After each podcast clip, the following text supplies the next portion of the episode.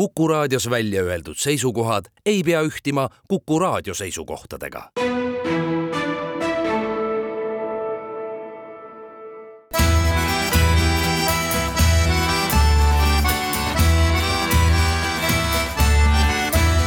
Kirillitsas Eesti tere päevast, head raadiokuulajad, eetris on Kirillitsas Eesti, saatejuhiks nagu alati Pavel Ivanov ja täna ma vestlen julgeolekuekspert Dmitri Tepirikuga, tere Dmitri! tere päevast! no esiteks äh, äh, nüüd sul on vist rohkem aega, et muuhulgas tulla ka näiteks minu saatesse, sellepärast et sul ju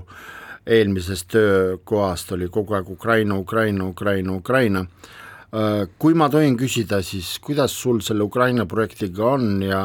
mis on kõige tähtsam, millega näiteks Eesti saab panustada praegu Ukraina sündmuste, ma ei tea, kas toetusse või siis projektide areng, arendamisse? noh, teame, et Eesti panustab äh, tegelikult väga palju ja see võib-olla tekitab ka selliseid äh, noh, ma ei ütleks, et pingeid, aga ikkagi tekitab küsimusi. küsimusi äh, jah, mõned inimesed, noh Eesti kodanikud erinevates piirkondades, sealhulgas ka Ida-Virus, küsivad, et, et kaua me nagu jaksame. mitte, et nad oleks vastu, aga noh, põhimõtteliselt on kaua võib? noh, ka kaua me suudame, kaua me, kaua me nagu jaksame, et, et inimestel on, nende argimured on ikkagi esmaprioriteedis, aga nüüd rääkides Ukraina projektidest, ma ikkagi endiselt käin seal, noh, ütleme keskmiselt kuus korra, võib-olla nii, et ütleme, Eesti kogemust äh, vajatakse, hinnatakse ja tegelikult saab panustada mitte ainult nii-öelda materiaalselt noh, rahaga või noh, näiteks ma ei tea, relvadega või, või mingi muu sellise abiga, vaid tegelikult saab panustada ka intellektuaalselt, mida me ka te-, teeme seal. nii et äh, näha on, et äh, see sõda no venib äh,, kuigi võib-olla ei ole ilus öelda, et äh, tekib väsimus, aga noh, me ju kõik teame, et et see on puht inimlikult ja psühholoogiliselt no see on ka ajaloos ka tunda, sõjast võib väsimus tulla. jah, nii et, et see on äh, väga kerge tekkima, noh, Ukrainas eriti, äh, sest äh, neil on seda kuidas ma ütlen, nii kaitse kui ka võidutahet, nagu Zelenskõi kasutas meie Riigikogus sõna, on endiselt piisavalt palju, aga mida seal ei ole, jällegi ei ole seda arusaama, noh, kaua nad ikka veel jaksavad, et äh, sest need tõmbetuuled, ma mõtlen nüüd läänes, kaua see toetus jätkub USA poolt või Euroopa poolt, äh, mis iganes relvasüsteemid uued tulevad ja nii edasi, et kas olukord muutub rindel või pigem mitte, nagu me näeme, ja noh, rahvas Ukrainas, ma mõtlen, äh, ei, nagu ei tea, kas need poliitilised lubadused on sellised, äh, mis neid noh, motiveeriks nagu edasi, sest äh, noh, praegu sellised su-, suht skandaalsed lood on ka nüüd üleval, et äh, vahetused seal võimulatvikus ja nii edasi. kas, kuidas sulle tundub, kas jah, et need jutud kõik, mis käivad ja tegelikult ka faktid sellest, et Ukraina ühiskond on noh, suht korrumpeerunud, kas nad praegu kuidagimoodi on äh, enesepuhastuse käigus äh, parandanud olukorda, see suur skandaal, mis oli kaitseministeeriumis, kusjuures seal oli ju segatud inimene, Eesti, tähendab Eesti nimega inimene, keda praegu lihtsalt ajutiselt kõrvaldati oma ametipostist, et äh, kuidas sellega lood on, kas võib öelda, et Ukraina puhastub? Äh, kindlasti võib öelda äh, ja see kõik lihtsalt võtab aega, ütleme äh, ka rahuajal see kõik võtab aega et see ei toimu üleöö, aga sõja ajal eriti, no ja peab arvestama, et need ressursid, ütleme, need rahasummad, mis seal liiguvad, on tegelikult ju väga suured ja ma julgeksin väita, et äh, võib-olla igas riigis oleks äh, selline olukord tekitanud nii-öelda suurendatud huvi korruptsiooni vastu. nii et no eriti ka Ukrainas, arvestades nii-öelda kogu seda tausta ja minevikku, aga no eks nad üritavad seda jah, oma süsteemi puhastada nii palju kui võimalik selles olukorras, aga no selge see, et riik on suur, äh, noh, rahaliselt vood on tohutud, läbipaistvust no nii palju kui võimalik tagada jällegi sõja ajal nii-öelda ohustamata julgeolekut, noh, et nad seda teevad, aga no eks see kõik jällegi kinni selles inimloomuses, kui keegi noh, tahab midagi varastada seal ja oskab seda teha äh, jällegi suures, suures riigis äh,, noh, eks, eks, eks nad üritavad seda teha ka.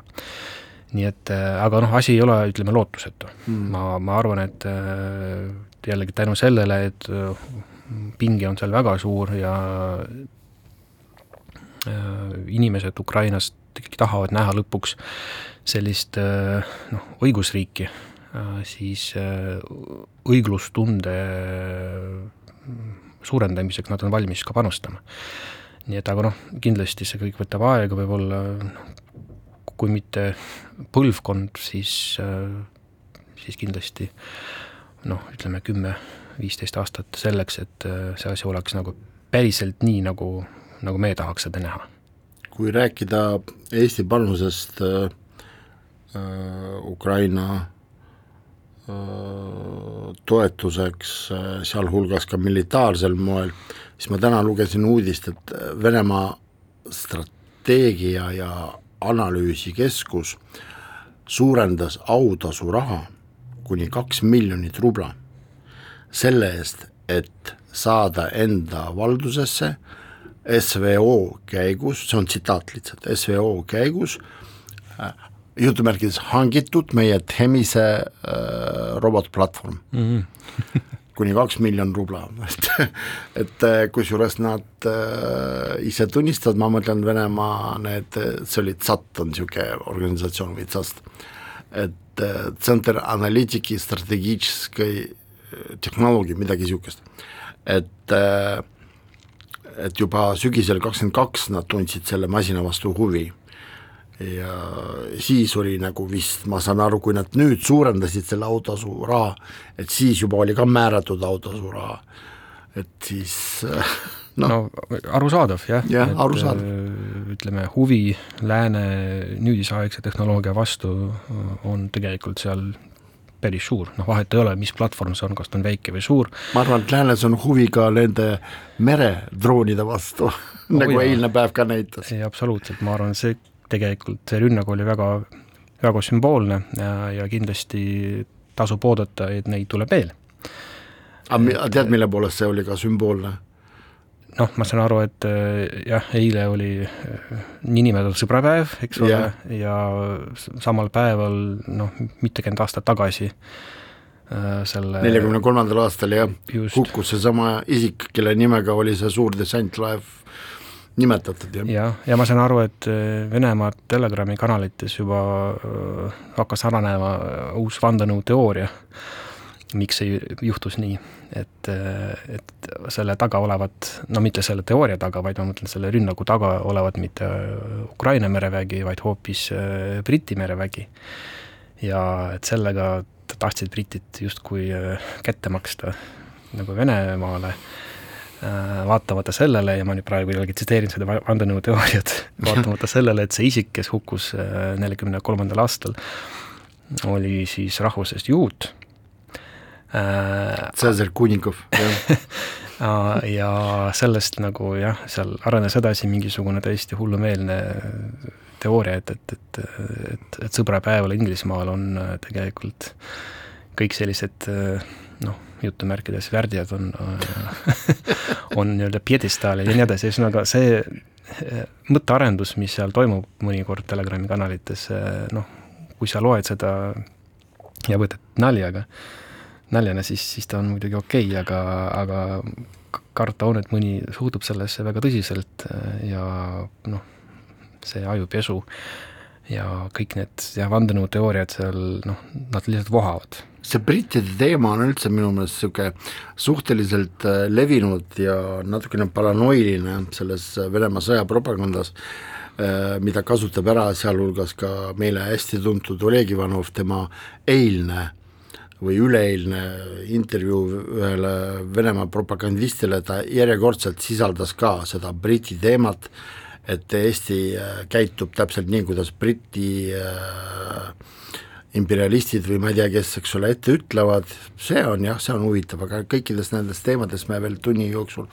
natukene vähem jõuame veel rääkida, teeme väikese reklaamipausi, pärast jätkame saadet.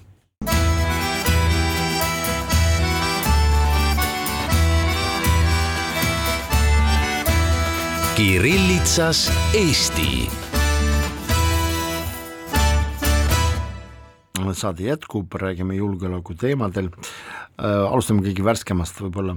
et eile me saime teada, et äh, Venemaa kuulutas tagaotsitavateks meie peaministri ja ka riigisekretäri. Äh,, kui algselt see uudis tuli, oli väikene niisugune tohoh, pärast see nagu natukene vaibus, et noh, jah, mis see endaga kaasa toob, aga kui äh, vaadata tänaseid mingisuguseid materjali sel teemal, siis ma näiteks äh, loen, et sinu endine kolleeg Igor Gretski kirjutas venekeelses Postimehes, et tegelikult, et äh, mis signaali see annab, et tema kutsus üles suhtuda sellesse suht tõsiselt, sellepärast et see Igor Gretski arvates on signaal selle kohta, et Kremli meelest siiamaani Eesti ei ole iseseisev riik, sellepärast et kui võtta selle süüdistuse aluse, see on siis nõndanimetatud äh, süüdistus äh, Nõukogude monumentide rüvetamises ja haudade rüvetamises, et see viib meid ajalukku tagasi, kui olid püstitatud need monumendid, aga püstitatud nad olid okupatsiooni ajal. no jah. kuidas üldse sellesse äh, süüdistusse ja tagaotsitavaks kuulutamisse suhtuda? mulle isiklikult, noh kui sa küsiksid näiteks minu käest, Pavel, kuidas sulle tundub, mina sellest nagu suurt nagu tsirkust ei teeks no see on selles mõttes omaette farss, et äh, see selge see, et äh, Eesti territooriumil ei kehti äh, need Venemaa seadused ja meie riigis ja Venemaal ei kehti Eesti seadus. No täpselt nii, et, et see on nagu iga riigi nagu suveräänsuse küsimus lõpuks, et see, et keegi kuskil seal nagu Moskvas mõtles endale midagi nagu vähe välja, et et iseenesest see on muidugi noh, märkimisväärne, et ühe jah, iseseisva riigi peaminister on nüüd kuskil, kuskil nimekirjas. Äh, noh, sellest me võime nagu järeldada, et äh, reaalsuse taju nagu Moskvas on, äh, on nagu ta on seal, et nad võivad kirjutada või nagu rääkida nagu, nagu milles, millest iganes, aga kas see on nüüd hirmustamistaktika, noh vaevalt, et keegi oleks või saaks selles hirmutatud, kas ta on äh, pigem häbistamise taktika, ma pigem võib-olla kipuksin arvama nii, et, äh, et see on suunatud äh, muuhulgas ka nii-öelda sisetarbijaile, ehk siis neile, kes noh, Venemaal tarbivad seda infot ja võib-olla noh, need venekeelsed inimesed väljaspoolt Venemaad, kui nad saavad teada, et Eesti peaminister on nüüd kuskil seal nii-öelda häbipostis, noh siis vastavalt ka selline suhtumine. jah äh,, Igor Kretski veel juhib tähelepanu äh, nende monumentide asukohtadele, et mis tema arvates nagu võib häirida Venemaad. et äh, näiteks äh, Tallinnas pronkssõdur oli noh, pealinna südames äh,, Viinis seisab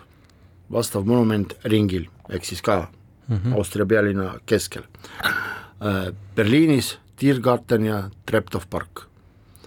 Äh, Budapestis täpselt samamoodi, linna keskel, ehk siis et äh, sõltumata sellest, et tegelikult neid ei likvideerita, vaid neid näiteks, kuidas oli pronkssõduriga, neid teisaldatakse kalmistule mm, -hmm. mis on nagu meie väärtuste hinnangute skaalal nagu inimlik, siis nagu neid häirib nagu see, et kui ta läheb linna keskelt ära, et siis see ei hüppa, nagu öeldakse, silmadesse ega näkku nendele inimestele ja siis tema mõju, selle nagu monumendi mõju või siis õigemini Venemaa äh, suure imperialistliku mõju, ta väheneb. muidugi ta väheneb selles mõttes, et kui linnapildis enam äh, ei ole sellist noh, kuidas võtta, aga ütleme sellist ajaloolist koledust no üldse nagu mingisugust ajaloolist märki. jah, ei no ütleme, märgi ja märgi vahel on ja, ja, ja, ja, on ja, ka, aga ütleme, kui tõesti mingi asi on selline äh, kole ja kui ta on püstitatud tõesti sellise võõra võimu poolt ja selleks isegi polnud mingit mõjuvat põhjust, noh, siis äh, iseenesest tõesti sellistel monumentidel on koht äh, kas siis kalmistutel või üldse, nad ei, ei, ei pea kuskil nagu linnapildis silma torkama, nii et äh, aga no Euroopas neid riike on veel, me ju teame äh,, kus neid monumente on suhteliselt heas korras. Äh,, noh, sa mainisid Ungarit, näiteks ka Slovakkias Äh, mul oli võimalus seal korduvalt käia nüüd Ida-Slovakkias, kui me sõitsime seal Lääne-Ukrainasse ja noh, neid monumente on tõesti seal nagu väga palju. ma mõtlen just Punaarmeele pühendatud äh, Poolas ka vist, ma saan aru? noh, Poola vist hakkas sellega Poola hakkas nendega tegelema? Nendega tegelema, aga nagu Slovakkias mitte ja ma saan aru,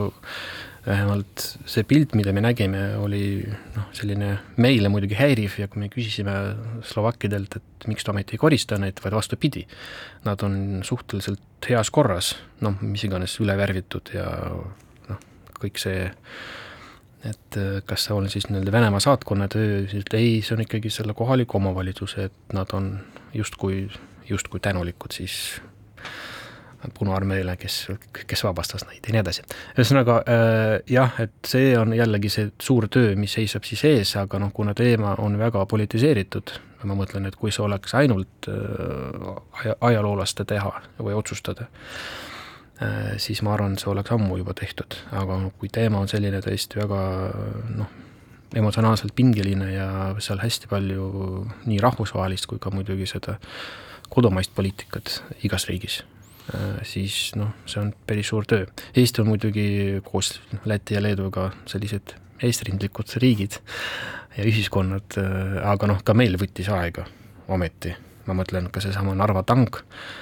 äh, noh, ta just no, ta, ta, ju, ta ju seisis meil üle külme, külme, kümne aasta siin. kas sa tead seda, et siiamaani äh, sinna viiakse lilli? ja, ja ma olen seda näinud, alles käisime jällegi ja. meeskonnaga seal Ida-Virus ja see on see teema, mis jällegi kaob võib-olla noh, põlvkonnaga. ma mõtlen, et need vanemad inimesed või nagu vanema põlvkonna esindajad, kellele see mingil põhjusel oli tähtis, äh, noh, ega meie eesmärk või ütleme, ülesanne ei ole neid kuidagi ümber õpetada, et, et noh, see on vabas riigis vaba inimene teeb mida, mida iganes, kui see teisi, äh, teiste vabadusi ei häiri, aga jah, nii see on. aga loodame või ütleme, selle, sellega tuleb tegeleda, et nii-öelda need järgmised põlvkonnad ei teeks samamoodi. jah, kusjuures kui ka praegu vaadata, siis äh, noh, kes selle temaatikaga jätkuvalt tegeleb, no üks-kaks inimest, kes on väga aktiivsed sotsvõrkudes ja praktiliselt noh, üle nädala näitavad, et nad on seal käinud, lilli pannud, küünlad põlema pannud, sõltumata ilmastikust. aga kui tulla tagasi selle tagaotsimise juurde äh,, siis kui nagu see esimesed emotsioonid olid nagu maha rahunenud, maha vaibunud, siis hakkas juba niisugune praktiline mõtlema, et oletame, et kunagi tulevikus elus äh, Kaja Kallas näiteks peaks minema äh, ma ei tea, sealt kas või Ungarisse lihtsalt sõitma, no kas mingisugusel konverentsil mm.. mis sa arvad, kas on Euroopas või üldse maailmas neid riike, kes äh, annaksid välja isiku, kes on äh, Venemaa juurdluskomitee ja siseministeeriumi otsusega tagaotsitavaks, rahvusvaheliselt tagaotsitavaks kuulutatud? Äh, no selleks peab olema jällegi vastava siis rahvusvahelise ütleme, mingi organi eh, order siis selleks, ma mõtlen, noh, mingi, mingi määrus. Venemaa välisministeeriumi ei, määrus? ei noh, sellest ei piisa, peab olema ka siis no Interpol või siis mis iganes rahvusvahelise nagu kohtu poolt, no see peab, peab olema tõesti nii, et eh, vastava siis riigi Äh, Äh, jõustruktuurid mm. sellega saaksid tegeleda. et noh, isegi Hiina jõustruktuurid ei, ei, ei teeks midagi siis Venemaa välisministeeriumi aga mis sa arvad sellest arvamusest, mida eile ma lugesin venekeelses Delfis, üks meie publitsist äh, Sergei Kovaltšenko ei välistanud seda, et GRU ehk siis Glavne Razvedavateline Upravlenie Venemaa eriteenistus mm, -hmm. et nemad võivad kuidas nüüd öelda, ma, ma ei tea, kuidas seda eesti keeles öelda äh,, võkrist, ehk siis nagu mm. välja viia Eestist Kaja Kallas? no õnneks peaminister on, ma kujutan ette, päris professionaalne piisavalt Turva- ülikonda, ülikondades turvamees, nii, nii nagu jah, iga Jah., iga riigi siis äh, riigipeal ja peaministril, nii et, et selles ma nagu ei kahtlegi. Noh, kas nad julgevad seda proovida, no vaevalt, et kindlasti kindlasti vaevalt jah. jah, kindlasti, meil käis ju alles hiljuti siin Zelenskõi ja ma arvan, et Zelenskõi oleks neile ju tegelikult ju äh, tähtsam ja, ja ma arvan, et ka Venemaa eriteenistused pingsalt jälgisid, kuidas see visiit oli korraldatud just julgeolekumeetmete osas ja, ja ma arvan, et no meie politsei natukene... tegelikult ju väitis, et äh, neile see oli üks äh, suurimatest äh, nii-öelda julgestamisoperatsioone siin viimastel aastatel, kui mitte suurim, nii et äh, muidugi noh, selle, sellesse tul- tulebki tõsiselt suhtuda ja kõik need riskid ja ohud tuleb nagu ja kui ma eile nagu huviga vaatasin, mida siis nagu Venemaa meedia kirjutab sellest äh, tagaotsitavaks väljakuulutamisest, väga paljud äh, oma materjalides kuidagimoodi lõpupoole mainisid seda idavedude skandaali ja mõned äh, irvhambad siis mainisid ka seda, et isegi see ei aita selles küsimuses. Ja loomulikult võeti kinni Maria Zahharova välisministeeriumi ametliku esindaja sõnades kinni, et see on alles algus. No tõesti, et äh, ma kujut- kujutan ette, et seda nimekirja saab äh, veel pikemaks kirjutada ja ilmselt seda nagu fantaasiat seal nagu Moskvas äh, nagu jagub, et, et aga jällegi äh, kaua me noh, pöörame sellele tähelepanu, et äh, Kaia Kallase puhul arusaadavalt see on suhteliselt selline nagu märkimisväärne noh, see oli ka pretsedent, pretsedent, vastavas äh, aga me teame, et näiteks teistes jah. riikides, no kas või Lätis või Leedus äh, neid, neid isikute arv on seal päris suur. pool, tähendab mis pool, üheksakümmend protsenti nende seimist. jah, nii et äh, noh, jällegi, et äh, mida iganes nad seal ei teeks, ma mõtlen Mhm. Moskva tüübid, noh, me ilmselt ei, ei tohi ennast sellest lasta häirida, meie ülesanne siin te- tegeleda, noh, ma mõtlen jällegi Ukraina toetamisega, Eesti sotsiaalmajandusliku olukorra parendamisega ja ka NATO, Euroopa Liidu liitlassuhete tugevdamisega, need on, ütleme, sellised kolm põhi, põhieesmärki. see, et me noh, reflekteerime, mida seal nagu Moskvas, no kindlasti on selleks ka vastavad äh, jõu, jõustruktuurid, kaasa arvatud ka Välisluureamet, kelle aastaaruanne või mille Jah. aastaaruanne alles nüüd ilmus, et see on nende ülesanne vaadata äh, sinna nagu piiri taha ja öelda Eesti kodanikele, kui tõenäoliselt üht või teine oht või risk võib realiseeruda siin lähiajal aga teeme reklaamipausi, pärast jätkame.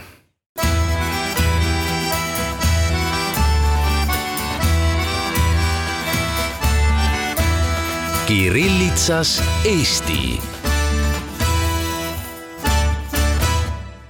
meie saade jätkub, stuudios julgeolekuekspert Dmitri Teperik, saatejuht Pavel Ivanov. vaata, Dima, kuuskümmend protsenti mitte-eestlastest, kes elavad Eestis, valdav enamus, kellest on venekeelne elanikkond, nemad taunivad Venemaa sõjategevust Ukrainas. toetab üksteist protsenti ja kakskümmend üheksa protsenti ei äh, leidnud õiget vastust iseendas või siis vastajate jaoks äh,, küsijate jaoks või siis ei soovinud seda positsiooni väljendada. ma ei nimetaks, et nende kahekümne üheksa protsendi sees on need, kes lihtsalt äh, kartsid oma arvamusi väljendada, võib-olla tõesti on mingisugune segadus peades ja nii edasi, nii edasi, et neid sinna üheteist protsendi juurde kõiki võib-olla nimetada pole ka isegi aus, aga mis me teeme selle üheteist protsendiga? Või siis las ta olla, sellepärast et me oleme ikkagi demokraatia ja arvamuste pluralism on meil nagu esikohal. no see protsent on ju kogu aeg olnud meie seas või ütleme, Eesti, Eesti ühiskonnas. aga ütle, kas see on kogu aeg olnud sa-, suurusjärk on olnud suurusjärk on jah, on olnud kogu aeg üs, üsna sama, me oleme teinud erinevaid uuringuid ja Jah. küsinud erinevaid äh, jah, küsimusi erinevatel teemadel alates aastast kaks tuhat kaksteist, veel enne Krimmi okupeerimist äh, ja muid sündmusi äh, Ukrainas ja maailmas et suurusjärk on alati olnud nii, et see on kõikunud, ütleme üheksa kuni viisteist oli see nagu maksimum. noh, erinevatel teemadel, aga me ütleme sellist eh, nagu Eesti vastust, vastasust või ütleme sellist Lääne, NATO, Euroopa Liidu vastaste nagu hoiakutega ja nii edasi. või vastupidi siis need, kes toetaksid eh, Kremlit või Venemaa tegevust et äh, jah, see suurusjärk on selline, et, et sellega ilmselt ei, ei tee midagi, jällegi mina olen pigem optimist ja ütlen, et äh, kui põlvkond või põlvkonnad siis vahetuvad, siis äh, väheneb ka see protsent. aga noorte seas tegelikult ütleme ausalt, on ka suhteliselt palju toetajaid? absoluutselt, noh, ma ütleks, et suhteliselt palju, aga ikkagi noh, kui ühes või teises peres räägitakse noh, konkreetset juttu, ja üks, üks noor on noh, selle nii-öelda info keskel ja tema info tarbimine on ka äh, ütleme, no ja. ühe keele keskne, ütleme nii, et äh, ja siis kõik need infokanalid ja siis kogu see keskkond soodustab seda, siis nagu ma ei imestaks, aga noh, ma ei teeks sellest nagu suurt probleemi, ma ütlen jällegi, et noh, neid inimesi mm, selliste vaadete ja hoiakutega on alati olnud, äh, noh, nad on pigem jällegi sellised nagu marginaalsed, jah, äh, neid äh, võib-olla mõnikord pannakse rohkem tähele, kui nad vääriksid seda, sest no meid ju ometi häirib, et keegi nagu meie seast võiks toetada Venemaa sõda. sa ennetasid minu küsimust, et ütle palun, kas, kas eestlased peavad mööda tänavaid käies vaatama väga sügavalt ilmselgelt vene keelt kõnelevate inimeste silmadesse? ei, miks? ma arvan, et iga normaalne inimene keelest, rahvusest või mis iganes taustast sõltumata äh, ei toeta seda ja tahaks elada jah, hästi arenenud rahulikus riigis, äh, kus ta saab kasutada ja nautida neid äh, vabadusi, mida Eesti riik ja Euroopa Liit tervikuna nagu kas me, kas ma saan õigesti aru, et siis me nagu noh, arvab nii, siis arvab, et lähme siis edasi mööda tänavat? no ta tõesti noh, kui ta ei tee midagi jällegi, siin on küsimus, kas äh, tema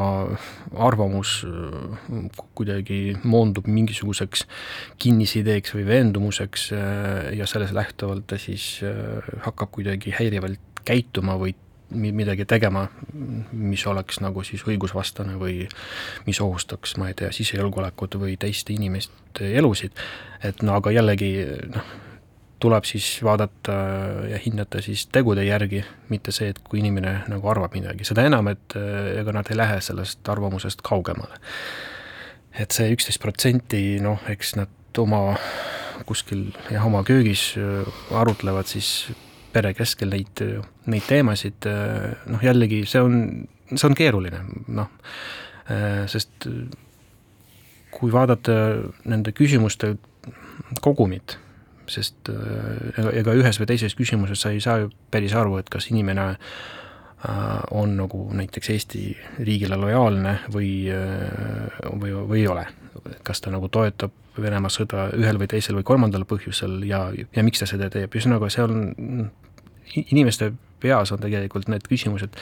reeglina äh, kuidagi tahaplaanile pandud, kui sa otse ei küsi, siis inimene ju sellest iga päev ei, ei mõtle ma mõtlen iga, iga normaalne ja. inimene mm. -hmm. aga kui äh, jah, pannakse valiku ette, siis, äh, siis selge see, et äh, noh, mõni arvab, et, et maailmas on tõesti selline suur ebaõiglus, et jällegi kõik need vandenõuteooriad, et USA ja Brüssel dikteerivad kõike Äh, ja ja suur tänu Tucker Carlsonile, kes tegelikult näitas Putini filosoofiat. ma olen ka sellist asja lugenud, et, et see oli hoopiski filosoofia, mitte talk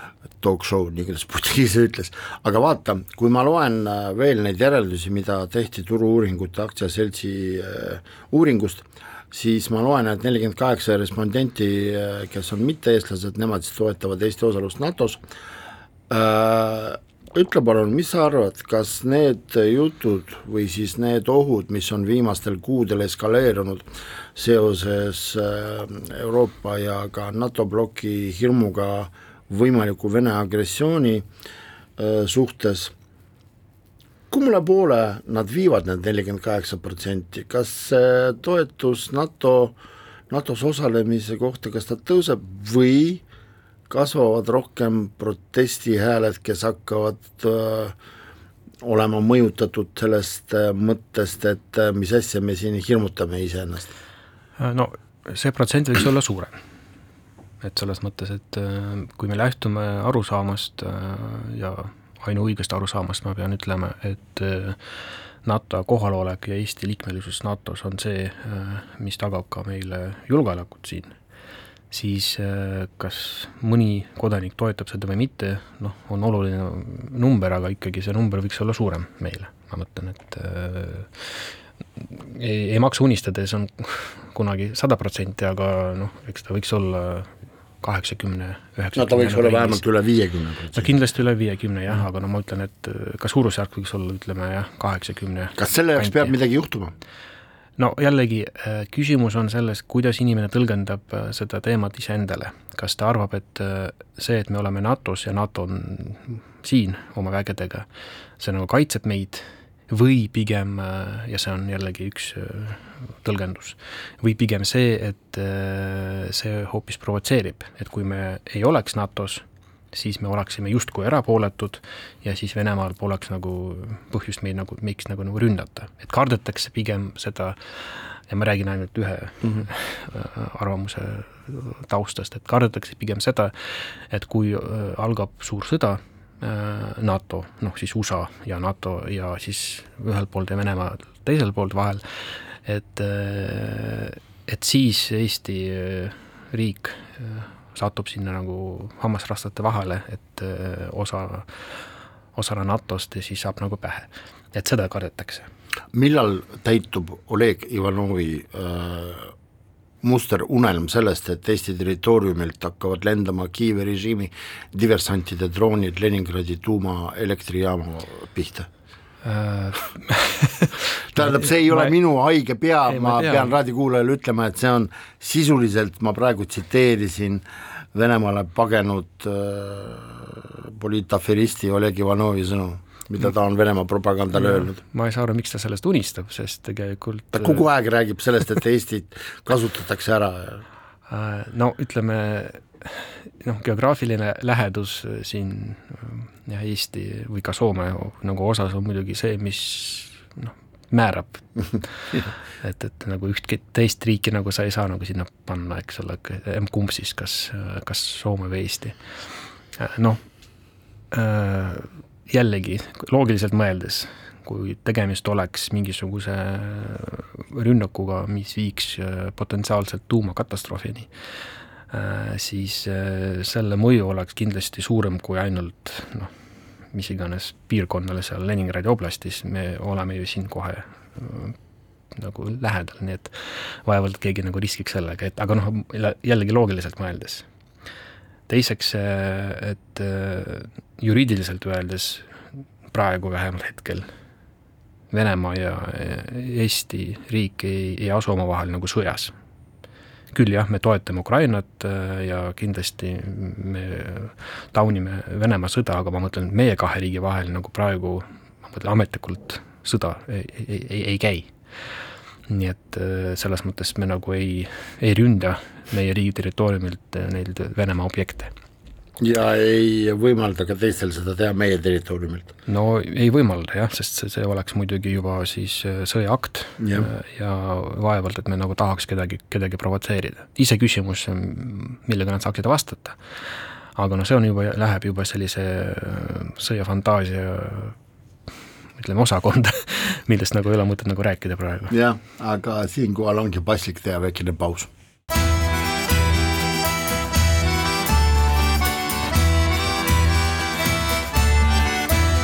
Kirillitsas Eesti.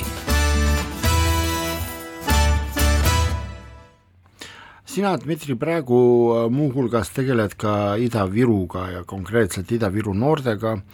on olemas selline projekt nagu Ida-Virumaa Noorteakadeemia ja äsja, ehk siis eelmisel nädalal sina ja sinu meeskond käisite seal. Ja mind hakkas huvitama see asi, et ma mäletan, et äh, oh issand jumal, umbes viisteist aastat tagasi ma kui ajakirjanik äh, kuidagimoodi üritasin Ida-Virumaad kaardistada või siis lahterdada mingisugustesse lahtritesse, mis võib-olla iseenesest ei ole nagu hea tegu, aga see oli puht selline ajakirjanduslik lahterdamine, et millises linnas, millises regioonis, milline maailmavaade on või pigem on. et ja siis minu jaoks oli siis selge ja ka minu kolleegide jaoks oli selge, et kõige öö, sügavamas ideoloogilises kriisis oli Kohtla-Järve. ma mäletan, et ja kõige positiivsem oli Narva muuhulgas ka küsimuses, mis puudutas äh, nende linnade inimeste suhestumist Eesti riigiga. ma mäletan lihtsalt seda, et kui ma olin veel kümme aastat tagasi Keskkonnaministeeriumi avalike suhete juht, siis ma käisin ühes Kohtla-Järve, see oli vist Ahtme rajoonis jah, gümnaasiumis, kus ma rääkisin äh, kõikidest nendest asjadest, mis oli seotud Rail Balticuga, Äh, looduskaitsega, natukene puudutati ka seda prügi sorteerimist, noh kümme aastat tagasi. ja siis ma püüdsin ennast kinni niisugusele mõttele, et üks kahest, et tähendab isegi mitte üks kahest, vaid kaks asja olid kokku sattunud ühes klassiruumis äh,. arusaamatust, millest Ivanov üldse räägib ja teine asi on see, et aga kas see üldse meid huvitab mm.. et äh, eelmisel nädalal näitel kas sa saaksid teha mingisuguse samasuguse lahterdamise Ida-Virumaa linnadest,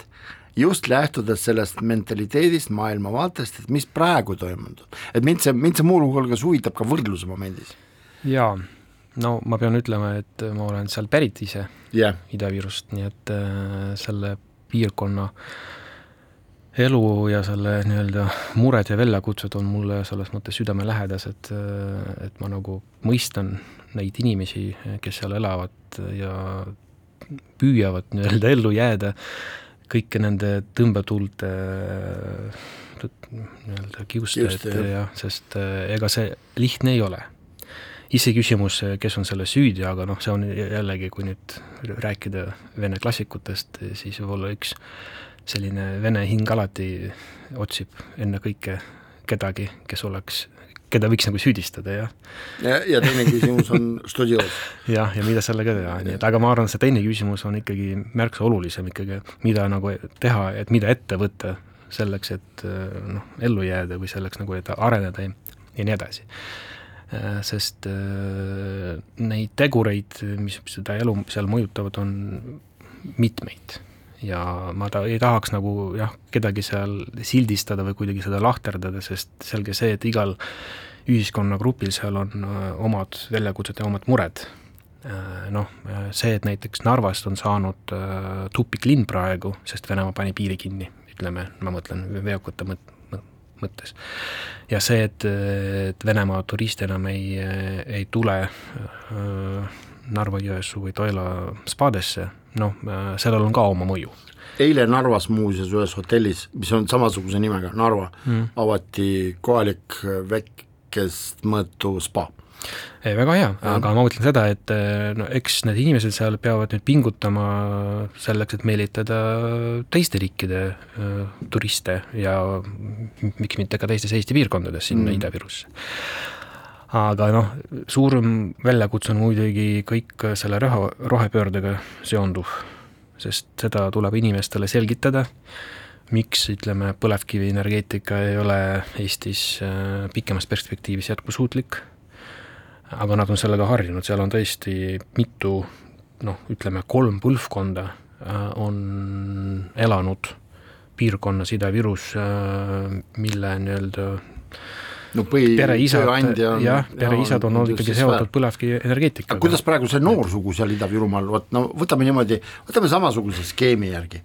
kas äh, minu skaala järgi võetes võrreldes praeguse situatsiooni, kas Narva on jätkuvalt ikkagi Eesti linn? jaa, kindlasti on ei, Narvale on ju ma mõtlen mentaliteedi. no aga Narvale on ju viimase ma ütlen, kümne aasta jooksul pööratud hästi palju tähelepanu. Sillamäe? Sillamäe on noh, ta on jah, ütleme nukremas seisus, ta on kõvasti nagu väiksemaks jäänud, ma mõtlen võrreldes sellega mm -hmm. ja seal on ikkagi need inimesed, kes mingil noh, nostalgilisel põhjusel meenutavad seda oma eriaega, kus Sillamäe oli siis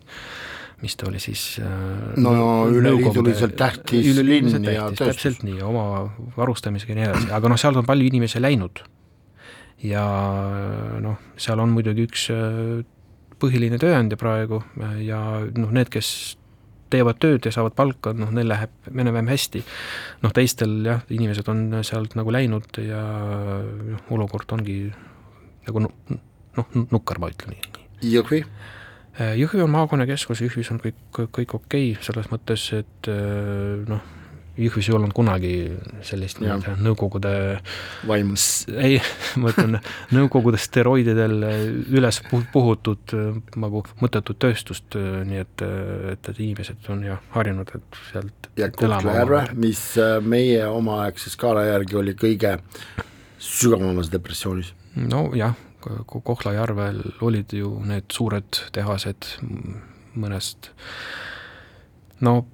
veel on üks alles, kui ma, kui ma ei eksi ja no jah, Kohtla-Järve Kiviõli seal midagi on, jah. ei, ma mõtlen seda, et eh, ega noh, kui nüüd rääkida noortest mm, -hmm. siis eh, kui nad ei näe perspektiivi, siis nad ju saavad aru, et eh, Eesti mõistes tõmbekeskuseks on Tallinn, Tallinnas on suuremad palgad, Tallinnas on noh, kõik need paremad võimalused, eks nende eesmärk on jah, lõpetada kooli ja, ja kolida Tallinnasse. aga tavainimene võib-olla väga stereotüüpselt küsiks, et no okei okay,, aga lihtsustatud, väga lihtsustatud vor- ja üldistatud vormis, kas äh, noored Ida-Virumaal, kas nad on äh, jätkuvalt, äh, vaatavad üle silla või ikkagi liiguvad Tallinna poole, ma mõtlen oma mentaliteedis? jah ütleme, nende mõtlemine ja ütleme, selle oma tuleviku projitseerimine on valdavalt seotud äh, siis noh, Tallinnaga, sest ütleme, see eduloo mudel, mida nad on siin viimastel aastatel näinud, äh, neist nagu vanemad äh, noh, ka siis õed-vennad või kes iganes tuttavad, on läinud sealt ära Tallinna, leidnud töö, noh, ma ei tea, õppinud ülikoolis, mida iganes, aga noh, see muster või see näidis neile see ikka nagu meeldib ja nad saavad aru, et noh, seal kui sa mõtled piiri taga, noh Venemaal neid selliseid perspektiive eriti praegu nagu ei ole, Tallinn on nii-öelda lähim, see, mis pakuks neile nii-öelda paremat elujärge, aga noh, mõni ikka unistab suuremalt ja kohe ütlebki, et kui keel on suus, ma nüüd mõtlen inglise keel on suus, et ta võib minna siis välismaale aga võib-olla viimane küsimus äh, saates täna, kuidas sulle tundub, kas äh, Ida-Viru noorte äh, infooperatsioonide, infosõjade ja propaganda vastuvõtmise osas, kas on mingeid äh, liikumisi, et äh, kas see vastupanu või siis vastuvõtmise taju äh, on äh, suurenenud, on ta positiivses mõttes suurenenud või kõik on samal tasemel, nii kuidas oli, ütleme kaks aastat tagasi, kui sõda algas ja kõik need infooperatsioonid hakkasid toimuma? Äh, no seal on jällegi mitu tegurit, üks tegur see, et äh, need noored on saanud siis võimaluse näha Ukraina põgenikke ja kuulata nende lugusid sest me teame, et äh, ka Ida-Viru koolides käib praegu ja. Äh, üsna palju Ukraina põgenikes lapsi äh, ja nad on seal tavaklassides. noh, seda, seda, seda enam, et noh, nad saavad siis omavahel nagu suhelda, no vene keeles muuhulgas, ja eks need noored lõpuks said nii-öelda infot esmaallikast. see on üks tegur. teine tegur on see, mis mind tegelikult teeb veidi murelikuks, et noorte infot tarbimise harjumused on muutumas, aga noh, see on paratamatus, kui äh, vanasti jällegi noored olid pigem noh, kas siis Facebookis, Instagramis äh, või siis venekeelses VK-s, siis nüüd äh, on nad järjest rohkem mm, läinud Telegrami ja Telegrami keskkond on see, kus on hästi palju selliseid anonüümseid äh, gruppe ja kanaleid äh,, mille sisu on raske kontrollida, sa ei tea allikat, sa ei tea, kes on selle kanali või grupi administraator, ja seal ringleb tegelikult hästi palju sellist äh, valeinfot. et noh, meie enda noortele me kogu aeg nagu soovitame ikkagi tarbida sellist äh, poliitilise taustaga infot äh, hästi ettevaatlikult ja mitte teha nagu järeldusi, eriti kui see pärineb Telegramist. no ja TikTok, aga noh, TikTok on selline No lihtsalt jah. see, mis äh, röövib sinu tähelepanu ja aega, et äh, aga noh, see on jällegi selline paratamatus. aga kas täitsa lõpetuseks, kas võib öelda, et ega asi pole ka lootusetu? ei, kindlasti mitte, asi ei ole lootusetu, et äh, noh, väljakutsed on, ma, ma ei ütle, et seal on kõik roosiline, ma arvan, et ikkagi päris suur väljakutse on üleminek eestikeelsele haridusele, mida on jällegi korduvalt edasi lükatud ja justkui on tekkinud äh, arusaam, muuhulgas ka Ida-Virus, et võib-olla ei olegi mõtet sellega tegeleda, aga nüüd tuleb tegeleda. Ja noh, noortele see on muidugi stress, suurem stress on muidugi noorte vanematele nojah, ja need noored ja ja ka õpetajatele. ja ka õpetajatele, aga no ütleme jällegi, need õpetajad ja vanemad puhuvad seda hästi suureks, et see, et sellest on tekkinud ju mingisugune noh, ma ei ütleks, et tüli, aga noh, tõesti stress. ja see stress kandub ka noortele üle. ja siin tulebki pigem nagu rahustada neid noori ja öelda, et noh, küll nad saavad hakkama. Kui ka varasemad põlvkonnad on hakkama saanud, küll ka ne-, nemad saavad hakkama ja ka tulevased põlvkonnad saavad hakkama. Dmitri, suur tänu sulle, et sa leidsid aja tõesti oma väga tihedas graafikus tulla saatesse, tuletan meelde, et minuga täna vestles äh, julgeolekuekspert Dmitri Teperik, aitäh sulle, aitäh raadiokuulajatele, et olite meiega ja kohtume järgmisel nädalal taas.